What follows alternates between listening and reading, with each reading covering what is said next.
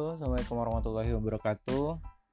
Kita ketemu lagi di mata kuliah pengantar ilmu politik dengan tema pemilu dan perilaku pemilih. Ini akhir-akhir ini menjadi sesuatu hal yang uh, sangat diperbincangkan ya terkait tentang bagaimana pemilu dan bagaimana perilaku para pemilih selama proses pemilu.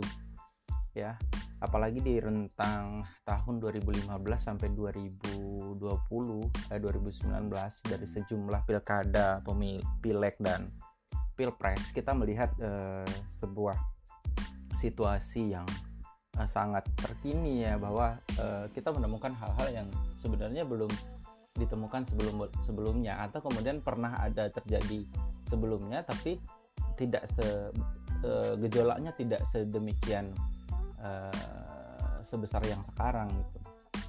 Oke, okay, uh, eh, terkait pemilu, saya pikir kita semua hampir memahami apa itu pemilihan umum ya, macam-macam. Lalu kemudian secara teknis ada pemilihan legislatif ya, yang meliputi pemilihan anggota DPR RI, DPD RI, DPRD provinsi dan DPRD kabupaten kota.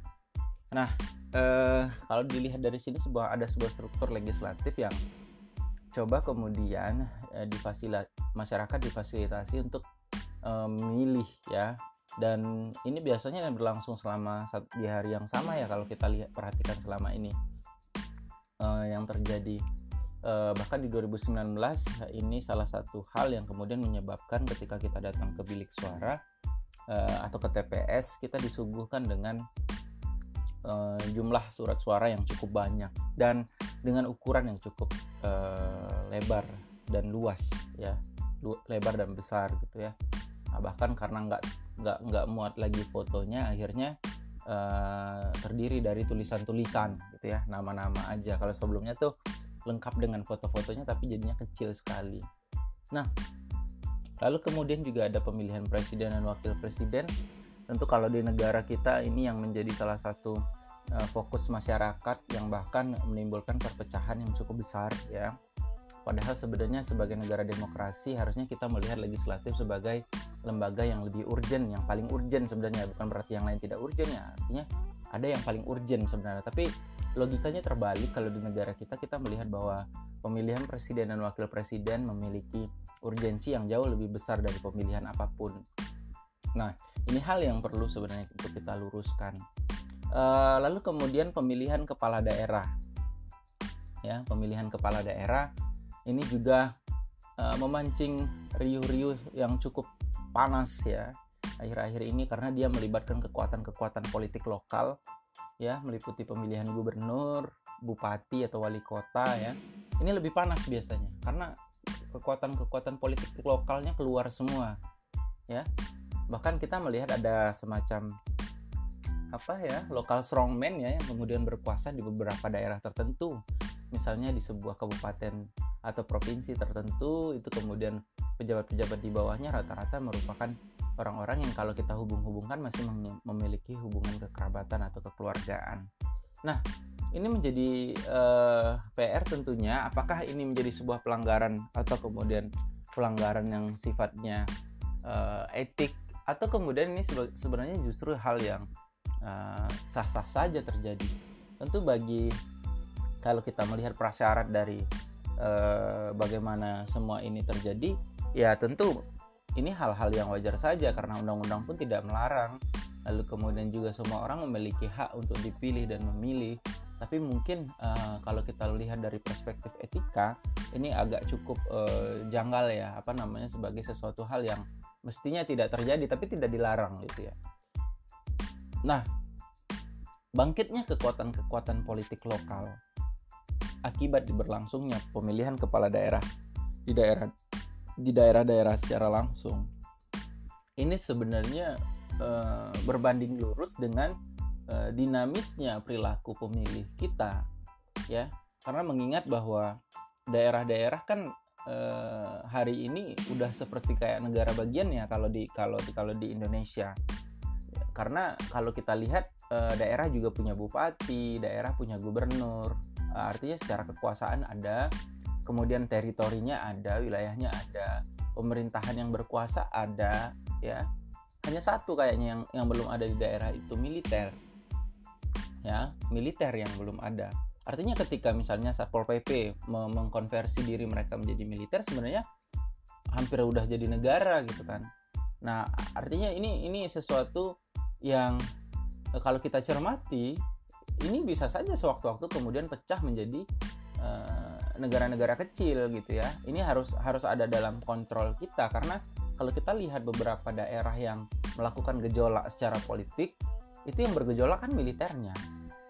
Ya kalau di Aceh ada gerakan Aceh Merdeka ada di Papua itu ada OPM kan yang bergerak itu militernya karena memang salah satu hal yang tidak diberikan eh, hak desentralisasi itu militer.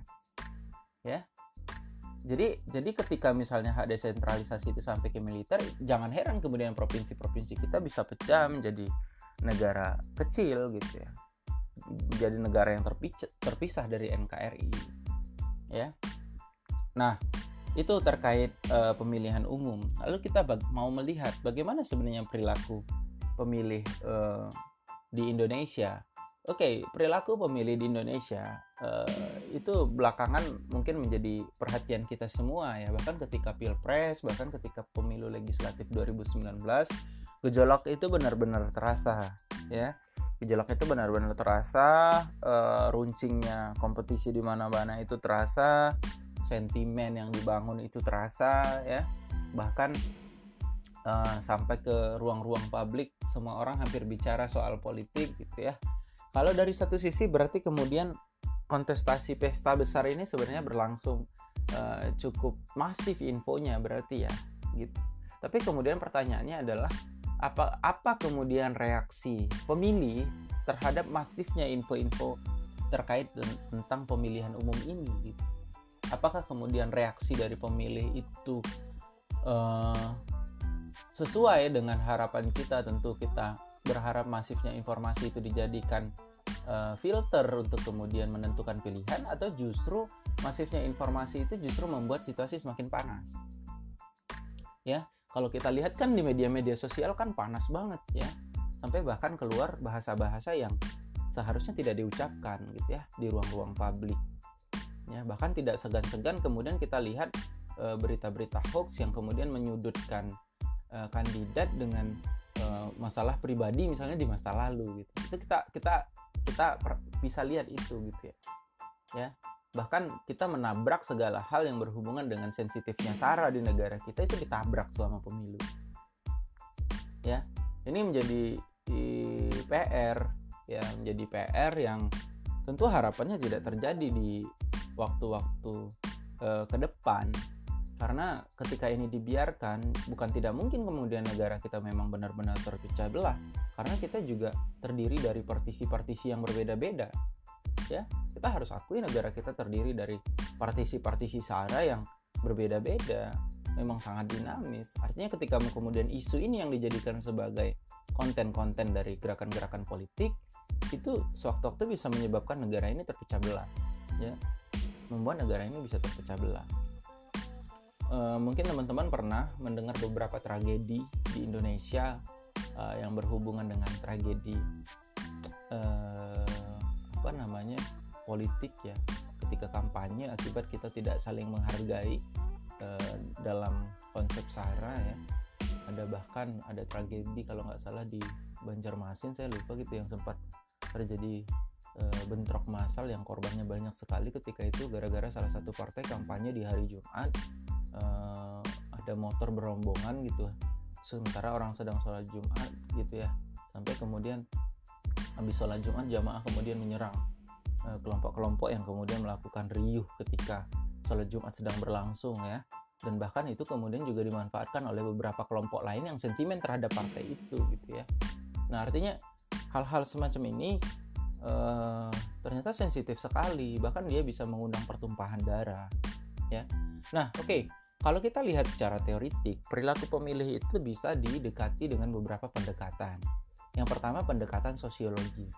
Sosiologis ini berhubungan dengan semua komponen-komponen sosiologis yang kemudian berhubungan misalnya dengan kesamaan suku misalnya kesamaan agama ya. Ini ini menjadi uh, sesuatu hal yang uh, penting. Kesamaan etnis ya. Ini hal-hal yang sifatnya uh, sosiologis yang benar-benar melekat dalam diri seseorang. Lalu kemudian pendekatan psikologis. Ini hal-hal yang berhubungan dengan uh, bagaimana uh, misalnya kan uh, tampilan seorang calon atau tinggal di tempat yang sama atau kemudian uh, kenal baik dan lain sebagainya ini ini secara psikologis ya. Kalau rational choice ini bicara soal uh, hitungan rasional dan non rasional ya ya kita bicaranya rasional dan rasional tapi juga tidak selalu dalam konotasi uh, negatif gitu ya. Oke kita bedah satu persatu ya. Pendekatan sosiologis pendekatan sosiologis di Indonesia ini cukup signifikan terasa teman-teman. Karena bahkan masih banyak di beberapa daerah eh, kepala-kepala uh, daerah itu didominasi oleh etnis atau suku tertentu dalam setiap pemilihan umum dalam sejarahnya hal itu disebabkan bahwa uh, dalam masyarakat Indonesia itu berarti kedekatan secara sosiologis atau kesukuan merupakan sesuatu hal yang lebih bisa dipercaya daripada pertimbangan-pertimbangan rasional yang sifatnya ke mengarah kepada kualitas program yang ditawarkan atau kemudian uh, track record kandidat. Artinya itu cukup cukup masih ampuh di beberapa daerah. Makanya kalau kita perhatikan di beberapa daerah itu kan masih ya ketika misalnya muncul berkampanye itu tampillah fotonya dengan foto tokoh suku tertentu gitu ya. Atau kemudian dengan pakaian adat tertentu. Itu kita masih temukan. Lalu kemudian eh, faktor agama. Nah agama ini nggak tahu beberapa tahun terakhir di Indonesia cukup populer ya. Bahkan banyak kandidat-kandidat yang muncul dalam kontestasi itu mencoba menampilkan diri mereka yang religius ya menampilkan diri mereka yang religius dengan pakaian-pakaian yang religius. Lalu kemudian tampil dengan eh, ulama-ulama fotonya kemudian dipublikasi. Se semacam ada pesan yang ingin disampaikan kepada publik dia merupakan kandidat yang didukung oleh ulama. Ya itu beberapa waktu terakhir menjadi uh, hal yang uh, apa cukup populer.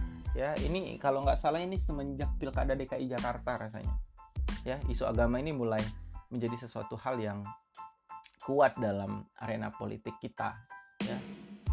Cukup kuat dan dan, dan sampai kemada, kemarin ke di pemilu 2019 kentalnya isu-isu agama ini masih terasa teman-teman.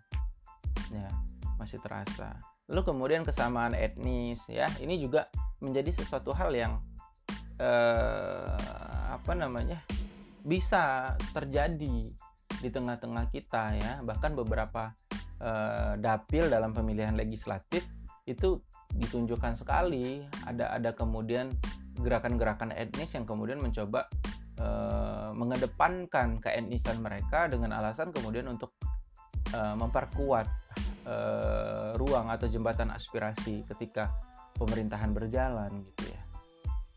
Itu terjadi ya bahkan tidak segan-segan orang dalam kampanye menyebut soal keetnisannya ya atau kesukuannya itu sering kita temukan.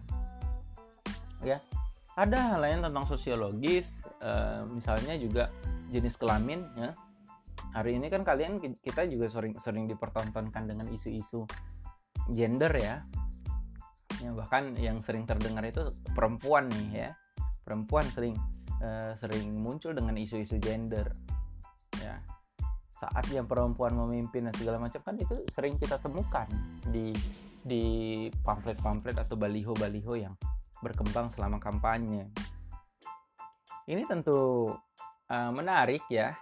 Kalau kalau kita dasar lihat dasar pemikirannya kan uh, seolah-olah ini berasal dari pemikiran-pemikiran feminisme kan. Ya, bahwa merasa kemudian perempuan juga memiliki hak yang sama bahkan kemudian memiliki kuota di dalam parlemen ya memiliki kuota dalam parlemen. Ya menarik. Bahkan kemudian hari ini ada segolongan, segolongan orang kemudian memilih itu atas dasar kesamaan gender. Oh karena dia perempuan. Saya perempuan saya pengen suara saya terwakili lalu kemudian saya pilih kandidat yang perempuan. Ya itu itu terjadi teman-teman. Ya. Nah ini identitas identitas sosiologis yang kemudian mendorong orang uh, untuk beralasan untuk memilih kandidat pada sebuah kontestasi politik. Lalu kemudian pendekatan psikologis. Pendekatan psikologis ini e, sebenarnya rumit untuk dijelaskan, tapi ada beberapa poin yang perlu saya tekankan. Yang pertama, sering kali kemudian orang-orang kita melihat elit itu dalam uh, perspektif uh, uh, yang misalnya kayak pakaiannya, cara bicaranya, ya, atau kemudian pernah kenal dekat, ya, sebelahan rumah, sehingga kemudian menyaksikan orang itu dan secara psikologis mengira atau muncul semacam standar dalam kepalanya orang ini cocok untuk jadi pemimpin, ya. Apalagi yang yang uh, signifikan uh, dikampanyekan di beberapa tahun terakhir itu misal terkait dengan tampilan-tampilan yang populis ya. Misal kayak uh, tampil dengan pakaian yang hampir sama dengan pakaian rakyat pada umumnya sehingga dianggap merakyat kan seperti itu ya. Akhirnya kan ini membuat kalangan yang ngerasa di bawah itu ngerasa oh ini kami banget nih. Ya. Ini ini ngerasa kita banget nih. Dia nggak nggak identik dengan jas dia nggak identik dengan uh, pakaian-pakaian mewah. Dia bahas uh, pakaiannya nyantai aja gitu. Itu itu menyinggung sisi psikologis sebenarnya teman-teman. Ya bahkan ketika bicara di beberapa kontestasi daerah banyak kepala daerah kepala daerah yang tidak menggunakan bahasa Indonesia. Tapi dia menggunakan bahasa daerah. Ya ketika kampanye. Karena ini targetnya sederhana psikologis. Bahkan kalau kita lihat uh, bannernya ya. Banner lalu kemudian eh, spanduk-spanduk yang memakai pakaian tertentu misalnya ya memakai pakaian tertentu yang identik dengan kondisi masyarakat sekitar. Itu kan yang mau diserang adalah psikologisnya. Ya. Nah itu kurang lebih terkait psikologis juga termasuk cara bicara yang misalnya tenang sopan atau kemudian kalau daerah Soekarno itu berapi-api ya. Itu kemudian membuat orang wah ini keren banget nih. Ya.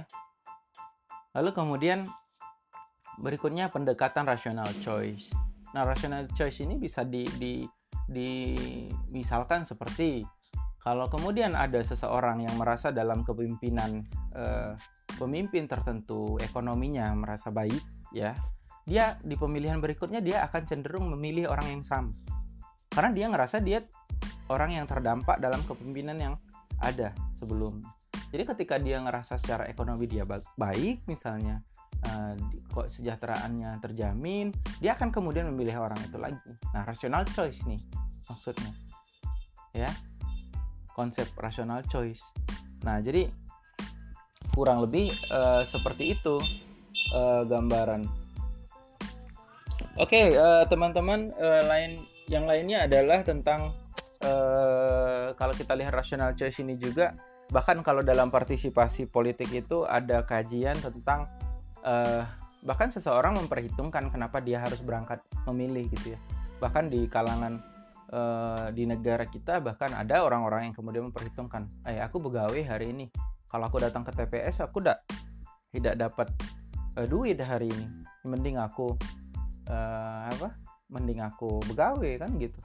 Nah ada pemikiran yang cukup rasional dalam hal ini. Tapi teman-teman ketika kita lihat faktualnya eh, jarang sekali kemudian pemikiran-pemikiran semacam ini muncul ya. Justru kita dominan terpengaruh oleh faktor-faktor sosiologis dan psikologis ya. Karena eh, apa namanya eh, jarang orang kemudian bisa mengukur eh, sebuah pemerintahan berdampak atau tidak terhadap mereka ya. Atau ada orang yang kemudian merasa dalam kepemimpinan tertentu dia susah dapat pekerjaan lalu kemudian dia e, ngerasa e, ekonominya nggak stabil dan kemudian akhirnya di pemilihan berikutnya dia mencoba kandidat yang lain tidak ingin lagi orang yang sama. Itu kan terjadi dalam pendekatan rational choice. Nah oke okay, lengkapnya nanti teman-teman bisa baca di jurnal atau artikel ya. Kita pengen juga ada sebuah proses pembelajaran yang uh, jangan sampai uh, hanya fokus mendengarkan apa yang saya sampaikan tapi pengen habis ini teman-teman jadi penasaran untuk baca beberapa bahan atau referensi yang berhubungan dengan ini. Oke, sejumlah fakta sosial dan perilaku pemilih di Indonesia. Yang pertama primordialisme. Ya, ini saya udah pretelin nih satu-satu. Kalau yang tadi kan saya jelasin secara umum lah di beberapa sejumlah sejumlah fakta sosial dan perilaku pemilih ini, ini adalah masalah-masalah pokok yang sedang terjadi di negara kita. Yang pertama primordialisme. Primordialisme ini kuat sekali teman-teman. Ya, bahkan ketika anda berurusan ke sebuah kantor, ya, primordialisme ini kan berhubungan dengan kekerabatan, ya, berhubungan dengan kesamaan e, suku, katakanlah identitas e, budaya, ya.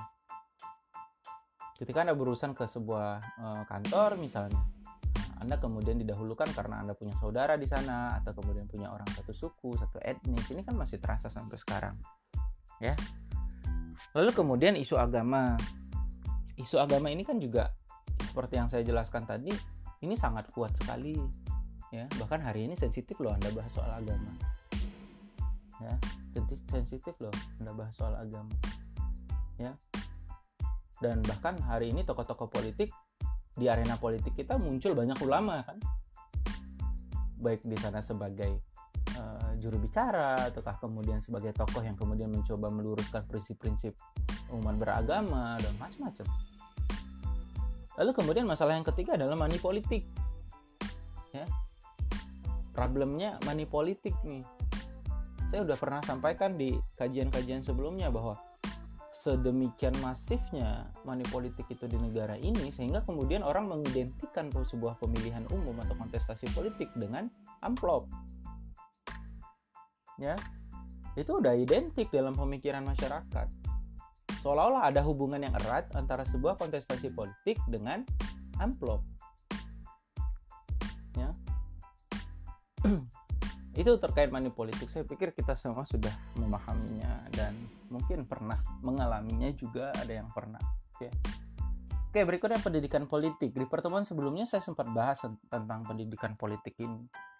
Ini juga sebuah masalah yang tidak kunjung selesai karena sejatinya kemudian kita berharap partai politik yang melakukan pencerdasan politik ataupun lembaga-lembaga infrastruktur politik lain ya seperti gerakan mahasiswa dan lain-lain itu kan juga sebenarnya memiliki tanggung jawab yang sama untuk melakukan pendidikan politik terhadap masyarakat yang tidak bisa menjangkau pendidikan politik secara uh, apa namanya dalam konteks formal ya katakanlah masuk ke sekolah yang mengajarkan hal tersebut atau ke institusi pendidikan lain yang mengajarkan hal-hal seputar politik. Ini kan sangat terbatas sekali. Ya ini ini menjadi PR kita karena kualitas demokrasi kita itu akan berbanding lurus dengan pendidikan politik kualitas pendidikan politik kita. Kalau kemudian kualitas pendidikan politik kita tidak baik maka kualitas demokrasi kita pun tidak akan baik. Karena hampir semua penyimpangan-penyimpangan yang terjadi dalam aktivitas politik kita itu rata-rata karena masyarakat tidak memahami secara signifikan apa kemudian konsekuensi dari pelanggaran-pelanggaran yang mereka lakukan. Ya, money politik misalnya tidak banyak orang yang mengetahui apa konsekuensinya. Ya, nah ini ini menjadi sesuatu yang penting. Lalu kemudian kontrol terhadap pemerintah. Teman-teman, hal yang paling susah untuk diingatkan kepada warga negara adalah bahwa mereka memiliki hak untuk melakukan atau menyampaikan aspirasi atau menuntut pemerintah terkait suatu hal atau sebuah kebijakan yang dikeluarkan. Warga negara itu punya hak untuk menuntut. Yang punya hak untuk demonstrasi itu kemudian mengunjungi sebuah kantor memprotes sesuatu itu bukan cuma gerakan mahasiswa. Bukan cuma gerakan buruh. Semua warga negara memiliki hak tentang ini. Ya, ini yang harus kita pahami. Kalau hari ini orang kemudian melihat sesuatu tidak sesuai dengan apa yang menjadi harapannya, orang kemudian berpikir, oh sudah paling kayak di pemilu berikutnya kami tidak pilih lagi. Itu kan jangka panjangnya. Dalam jangka pendek sebenarnya mereka bisa menyampaikan aspirasi mereka. Ya, katanya kita demokrasi, kekuasaan dari rakyat oleh rakyat untuk rakyat. Tapi kita sama sekali tidak merasa ada kekuasaan di tangan kita kita merasa institusi yang punya hak untuk melakukan kritik, protes itu hanya institusi-institusi tertentu atau golongan-golongan tertentu. Kita ngerasa kita nggak punya hak, ya. Bahkan untuk bersuara di media sosial dan bilang sebuah kebijakan itu salah, kita punya hak. Ya, hari ini kan nggak susah nyampein aspirasi, nggak selalu harus datang kantor partai, mention aja partainya, mention aja lembaganya, kan udah bisa langsung. Ya. Nah, kalau orang kemudian bilang bahwa ah kami udah ikut-ikutan lah, tidak bisa udah ikut-ikutan. Karena negara ini kan kita udah pilih bentuk bentuknya itu kita pilih demokrasi tuh. Sebagai acuan kita. Demokrasi itu butuh partisipasi. Nggak ada demokrasi yang bisa berjalan dengan baik kalau partisipasi masyarakatnya nggak ada. Ya. Nggak ada demokrasi yang bisa berjalan baik kalau partisipasi politik masyarakatnya nggak ada ya. Makanya negara demokrasi bisa hancur ketika warga negaranya tidak berpartisipasi lagi. Negara bisa hancur. Misal kayak negara kayak kita. Orang tinggal nggak bayar pajak kan negaranya udah nih ngos-ngosan pasti. Ya. Orang satu negara cukup tidak berpartisipasi bayar pajak aja. Ini negara ngos-ngosan. Ya. Itu salah satu bentuknya. Pun ke, tidak akan sanggup negara kemudian membendung kalau ke masyarakat secara bergelombang selalu kemudian menyampaikan aspirasi mereka. Itu akan menjadi hal yang sangat diperhatikan. Ya. Nah mungkin itu sedikit yang bisa saya ulas tentang pemilu dan perilaku pemilih. Terkait pemilu banyak sekali sebenarnya item-item yang perlu kita baca dan kita pahami. Terkait perilaku pemilih juga banyak hal yang menarik di media sosial. Kalau kalian perhatikan kita sudah bisa menyaksikan betapa dinamisnya perilaku uh, para pemilih di negara kita dan harapan saya setelah ini silahkan dibaca artikel atau menonton video YouTube yang berhubungan dengan materi ini. Lalu kemudian di akhir perkuliahan silahkan uh, menulis kesimpulan di kolom forum diskusi yang sudah saya siapkan. Mungkin itu saja. Terima kasih banyak. Uh, saya akhiri. Wabillahi taufiq wal hidayah. Assalamualaikum warahmatullahi wabarakatuh.